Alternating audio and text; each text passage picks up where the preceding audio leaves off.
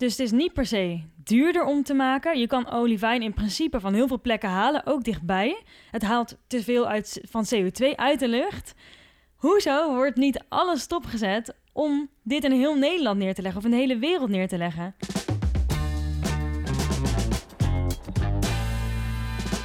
We moeten over naar een duurzamere economie. Het wordt overal geroepen. Maar wie doet er nou echt wat aan verduurzaming? In deze podcastserie licht ik vier ondernemers uit die zich volledig wijden aan duurzame vernieuwingen. Zij zetten zich vol passie in voor verandering. Hoe ziet de wereld eruit als we gebruik maken van de nieuwe technologieën waar ze zo in geloven?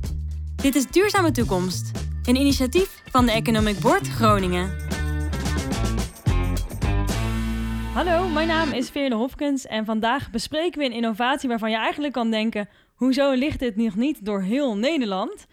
We hebben het namelijk over asfalt dat CO2 opeet. Want wat is dat nou precies en hoe werkt dat? En kunnen we dat makkelijk produceren? En daar gaan we het allemaal over hebben in deze aflevering. Naast mij zit Corina van Zanten. Hallo Corina. Hallo. Leuk dat ik langs mocht komen op jouw werkplek. Jij werkt uh, voor verschillende projecten in de civiele techniek. En tijdens jouw studie uh, liep jij stage bij Polyciviel.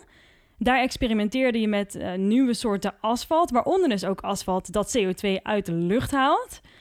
Daar wil ik zo meteen alles over weten, maar ik ben eerst heel benieuwd, hoe ben jij in deze wereld terecht gekomen? Want je studeert nog. Wat doe jij precies? Klopt, ik uh, studeer momenteel nog. Ik ben mijn HBO-opleiding aan het afronden. Ik uh, studeer Build Environment op de Hanse Hogeschool in Groningen. En dat is een vierjarige HBO-opleiding, waar het eerste jaar krijg je bouwkunde, civiele techniek en planologie in één. En dan kun je eigenlijk na dat eerste jaar krijg je alle vakken mee en dan mag je kiezen welke richting je gaat doen. En toen ben ik uh, in de civiele techniek uit, uh, uitgekomen. En civiele techniek, we hadden het daar net al even over. Wat is dat nou precies? Een ander woord voor civiele techniek, je kan het ook opvatten als weg- en waterbouw. Dus eh, infrastructuren, wegen, water, bruggen, kades. En ja. naast je studie ben jij ook aan het werk. Wat doe je? Klopt. Ik ben uh, werkvoorbereider bij Oosterhof Holman Beton en Waterbouw. De werkvoorbereider die maakt, uh, die krijgt eigenlijk het bestek. Dus die weet wat er, gaat, wat er moet gebeuren. En die gaat dat echt omzetten in, uh, in een planning. En die regelt alles. Zorgt dat het, het materieel er is. Want je doet ook een project op Ameland. Hoe gaat dat? Wat doe je daar dan? we hebben groot onderhoud in, in de Passantenhaven bij Nes op Ameland. En uh, we gaan daar baggeren zodat de haven weer op diepte is. Er komen nieuwe drijvende stijgers worden er neergelegd. En uh, dan krijgt, krijgt Ameland weer een mooie nieuwe haven. En jij stuurt dit proces aan, toch, op Ameland? Klopt, onder andere, ja, met, uh, met wat collega's. En als er mocht er wat zijn, dan kunnen ze gewoon bij mij terecht. En dan lossen we dat op. Mooi. Ja. Hoe zorg je er nou voor dat er ook echt duurzaam gebouwd kan worden? ja, wij zijn heel veel... Um, aan zoeken naar innovaties, naar mogelijkheden om het zo duurzaam mogelijk te doen. Dat zijn we als bedrijf ook wel enigszins verplicht natuurlijk naar de maatschappij, want wij bouwen gewoon dingen. En hoe gaat dat dan? Want je hebt een park waar je echt aan het bouwen bent. Hoe ziet dat eruit als je duurzaam bouwt? Um, ja, duurzaam bouwen, je kan het op verschillende mogelijkheden opvatten. Wij zijn heel erg bezig met uh, elektrisch wagenpark bijvoorbeeld. We hebben een elektrische graafmachine onlangs aangeschaft. Ja, en dan elektriciteit, waar haal je het vandaan? Want als het grijze stroom is, ja, dan is het nog steeds niet duurzaam. Nee. Maar uh, we hebben overal zonnepanelen op de, op de daken van de kantoren. We hebben een eigen energiecontainer die dus met zonnepanelen uh, stroom opwekt. Met accu's wordt opgeslagen. Dus eigenlijk met die energiecontainer kunnen wij ook ons eigen materieel weer opladen op de bouw. En bouw is natuurlijk een beetje een mannenwereld. Ja, je bent 21 jaar, je studeert en je werkt. Ja. Hoe is het voor jou om in die wereld te leven?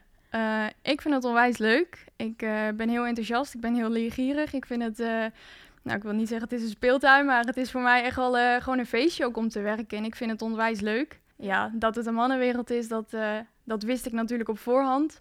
En ik vind dat helemaal niet erg. En hoe is dat? Met alle mannen zijn natuurlijk een stuk ouder en die moeten toch luisteren naar wat jij gaat vertellen. Is dat altijd makkelijk? Um, nou ja, waar wij ook alweer heel voor zijn, ik ben heel erg voor het samen doen, want we doen het natuurlijk samen. Ik bedoel, ik sta niet per se boven de mannen, we doen het echt samen met hun. Uh, zij moeten het uiteindelijk ook bouwen. Dat is gewoon een, een samenwerking. Jij doet verschillende dus projecten in de civiele techniek. En daar gebeuren dus ook verschillende experimenten, waaronder ook een experiment met uh, asfalt wat CO2 eet. Ja. Klopt. En daar ben ik echt heel erg benieuwd naar. dat dacht ik al. Want dat lijkt me toch het meest geweldige asfalt wat er bestaat. Het zou uh, goed voor het milieu zijn. Ja. En om dan even bij de basis te beginnen, hoe gaat asfalt maken precies in zijn werk? Waar bestaat het uit? Asfalt bestaat eigenlijk uit uh, drie hoofdingrediënten. Je hebt zand, uh, grind, dus wat, wat meer uh, steenslag zeg maar, wat groffer en een vulstof. En onder die vulstof heb je dan bitumen. Dat maakt echt het asfalt. Je kan er van alles mee doen. De samenstelling kan je aanpassen. Um, maar goed, de hoofdingrediënten die zullen altijd hetzelfde blijven. Ja, en onder andere van deze basis is ook het CO2-etende asfalt gemaakt. Hoe werkt dat nou precies? Uh, in het asfalt wordt dus olivijn gemengd. En olivijn dat gaat reageren met regenwater. Regenwater heeft altijd de behoefte om CO2 tot zich te trekken. Die wil heel graag CO2 binden. Dus er zit altijd CO2 in regenwater. Uh, regenwater gaat mengen met olivijn. Dus dan krijg je eigenlijk een scheikundig proces waardoor uh, olivijn gaat mengen met het regenwater. Valt de stof uiteen. En daar ontstaat dan uh, zand, magnesium en bicarbonaat. En dan heb je dus dat CO2 is uit het water onttrokken. Maar regenwater heeft, of water heeft ook weer de neiging om dus opnieuw die CO2-binding aan te gaan. Dus het CO2 is eruit gehaald, de stof is uiteengevallen, maar het regenwater gaat ook weer opnieuw die binding zoeken met CO2, haalt het CO2 weer uit de lucht en kan dus opnieuw weer met het volgende stuk olivijn uh, ja, mm. weer zijn gang gaan. Dus het blijft een ongoing process eigenlijk? Ja, klopt. Zolang uh, het olivijn CO2 kan opnemen, dan kan dat. En die stof die het uiteindelijk wordt, dat is helemaal geen CO2 meer? Nee, het valt uiteen in, uh, nou, zoals ik net zei, zand, magnesium en bicarbonaat. En is dat niet schadelijk voor het milieu? Nee, uh, magnesium is zelfs goed voor het milieu. Dat is eigenlijk een, een natuurlijke bodemverbeteraar. Het zit ook in kunstmest. Dus uh, het is goed voor de planten. Ja? Goed voor de plantengroei. Dus eigenlijk pakt het CO2 uit de lucht en het maakt het tot ook een bodemverbeteraar dan? Ja, klopt. Het is echt een verbetering van de, van de vegetatie naast de weg. Oké, okay, nou dat klinkt fantastisch. Ja. En als je kan uitleggen, olivijn, dat vermeng je dus in het asfalt. Wat is olivijn nou precies? Olivijn is een, uh, een gesteente, zit uh, in de aardkorst. Zit op verschillende, in verschillende landen in Europa is het in ruime mate voorradig eigenlijk. Het is alleen niet ieder olivijn is hetzelfde. Ieder gesteente is anders. Dus het moet wel een geschikt gesteente zijn om te verwerken in asfalt. En waar kunnen we dat dan vandaan halen? Ja, in heel Europa is het wel... Uh, het zit vooral ook in de bergen zit het vast. Uh, ik weet dat in Noorwegen hebben ze heel wat, uh, heel wat olivijn. Volgens mij ook in Italië, Spanje. Het klinkt ook alsof er alleen maar voordelen aan zitten, maar het werkt dus blijkbaar nog beter als er meer auto's over het asfalt rijden. Dan wordt de CO2 nog beter opgenomen, als ik het goed heb begrepen. Ja, Hoe werkt dat nou? Klopt. Um, nou, die scheikundige reactie, dat is eigenlijk... Uh, het proces gaat dus die reactie aan. En hoe fijner een stof en hoe fijner een deeltje, hoe groter het oppervlakte is wat kan reageren. Dus op het moment dat die steenslag vastzit in het asfalt, heb je eigenlijk maar een heel klein stukje wat gaat reageren met water. Maar als er een auto overheen rijdt, krijg je wrijving van de banden. Daardoor komen de hele fijne deeltjes vrij. En die hebben dan een heel groot oppervlak om te reageren met het water. Dus eigenlijk hoe meer er overheen rijdt, hoe meer wrijving, hoe meer van die fijne deeltjes er zijn, dan is er meer oppervlak om te reageren en gaat het ook sneller. Hoe weet je nou dat dit werkt? Hoe test je dat dan? Uh, ja, je kan het testen met de zuurgraad, met het water. We weten dus dat uh, regenwater, of in ieder geval water, wil CO2 tot zich trekken. En CO2 zorgt eigenlijk voor een lagere zuurgraad. Um, op het moment dat je olivijn zou toevoegen, zie je dat die, de pH-waarde oploopt en dat het minder zuur wordt eigenlijk. We gaan meer naar de basische kant. En dan uh, zie je dus door die pH-waarde dat het CO2 eigenlijk ontbonden wordt uit het water. Dus dat het CO2 eigenlijk eruit gaat? Het wordt, ja, het wordt vastgezet in dat olivijn, in de stof. De, ja, je hebt het asfalt getest. Jullie weten inderdaad dat het werkt. Um, ligt het nu ook al ergens in Nederland? Wordt het al gebruikt? Ja, er ligt een uh, stuk van 60 meter bij, uh, bij de proeftuin in Groningen. Bij okay. Building. En dat is echt om te testen, werkt het? Klopt, dat is echt om de innovatie te ontwikkelen, te testen en uh, te monitoren. En wordt het ook al op andere plaatsen uitgerold nu?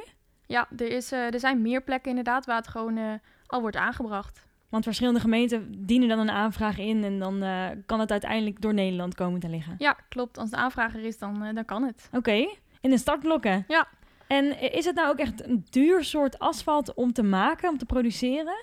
Het is iets duurder dan uh, gebruikelijk, dan normaal asfalt. Want je, ja, je voegt toch een andere stof erbij toe. Dus je hebt gewoon een extra toevoeging, extra handeling. Maar uh, prijstechnisch valt het mee. Ja. Het is iets duurder, maar niet, uh, geen grote sprongen. Dus het is niet per se duurder om te maken. Je kan olivijn in principe van heel veel plekken halen, ook dichtbij. Het haalt te veel uit, van CO2 uit de lucht.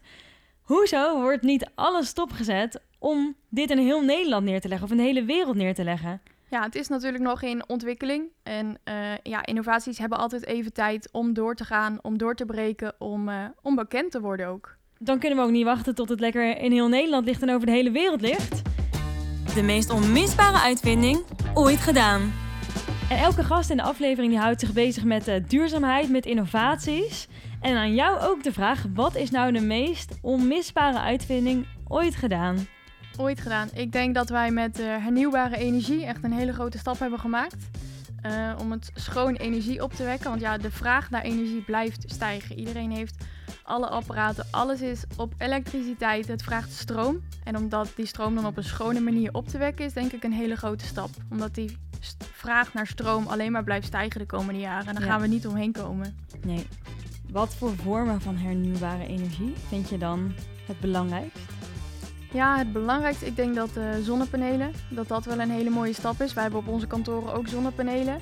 Nou, die gebruiken wij weer voor in de kantoren. Ja, denk je dat we daar naartoe gaan, elk bedrijf op duurzame energie? Ja, ik denk het wel. En ik denk dat dat ook een heel stuk zal schelen um, met de uitstoot van CO2. Ja. Want dus de vraag blijft, blijft komen. En op deze manier kun je dat heel mooi ondervangen. Ja, mooi bruggetje naar uh, de afsluiter van de podcast. Want als jij kijkt naar de toekomst, wat denk je dan dat er nodig is om de wereld snel te kunnen verduurzamen? Um, ik denk dat het vooral bij de mensen ligt. Je moet het toch samen doen. Het is, uh, het is eigenlijk net werken. Je moet het samen doen. ja. uh, en het moet ook een beetje in de, in, de, in de mindset komen. Weet je, we moeten er gewoon met z'n allen over nadenken van... joh, zo kan het niet. En we moeten echt naar die oplossingen blijven zoeken. En uh, wat ik aan het begin al zei, ja, met ons werk, wij bouwen dingen voor de omgeving. Daar gaan we ook kijken van, joh, het moet goed zijn voor de omgeving. Ja, daar begint het. Dat is eigenlijk de basis. Als je iets neerzet, dat het ook duurzaam is. Precies. En als dat, als dat gewoon de mindset is en als iedereen dat doet bij alles wat ze doen, dan uh, kun je heel snel verduurzamen, denk en ik. wat voor trends zie jij op het gebied van duurzame energie? Um, de trends van duurzame energie. Ik denk uh, dat de energiecontainer daar dus een mooi voorbeeld van is. Dat je dat uh, te plekke gewoon, dat je echt onafhankelijk bent met zonnepanelen en, en accu's. En hoe ziet zo'n energiecontainer er nou uit, fysiek? Het is ja, een container met, met accu's aan de binnenkant en een hele installatie voor het stroom. En zonnepanelen op het dak. En daarin kunnen ook auto's worden opgeladen. Ja, klopt. Graafmachines. Uh, de graafmachine, we hebben een elektrische graafmachine, die kan daarmee worden opgeladen. En ja, de elektrische auto is eigenlijk alles. Mooi. Ja, dus Nou. dat is iets leuks, iets nieuws. Op naar een duurzame toekomst. Precies. Alright, dat was hem. Bedankt voor je tijd, Corina. Ja, jij bedankt. Wil je nou meer zien van Polyciviel en van het CO2-etende asfalt? Check dan het bijbehorende programma Unique at Work. Dat is mogelijk gemaakt door de Economic Board Groningen. Actrice Aniek Vijver, ze gaat haar eigen blokje CO2-etende asfalt maken. En je ziet hoe het eraan toe gaat in de asfaltcentrale. De link vind je in de beschrijving. Dat was hem.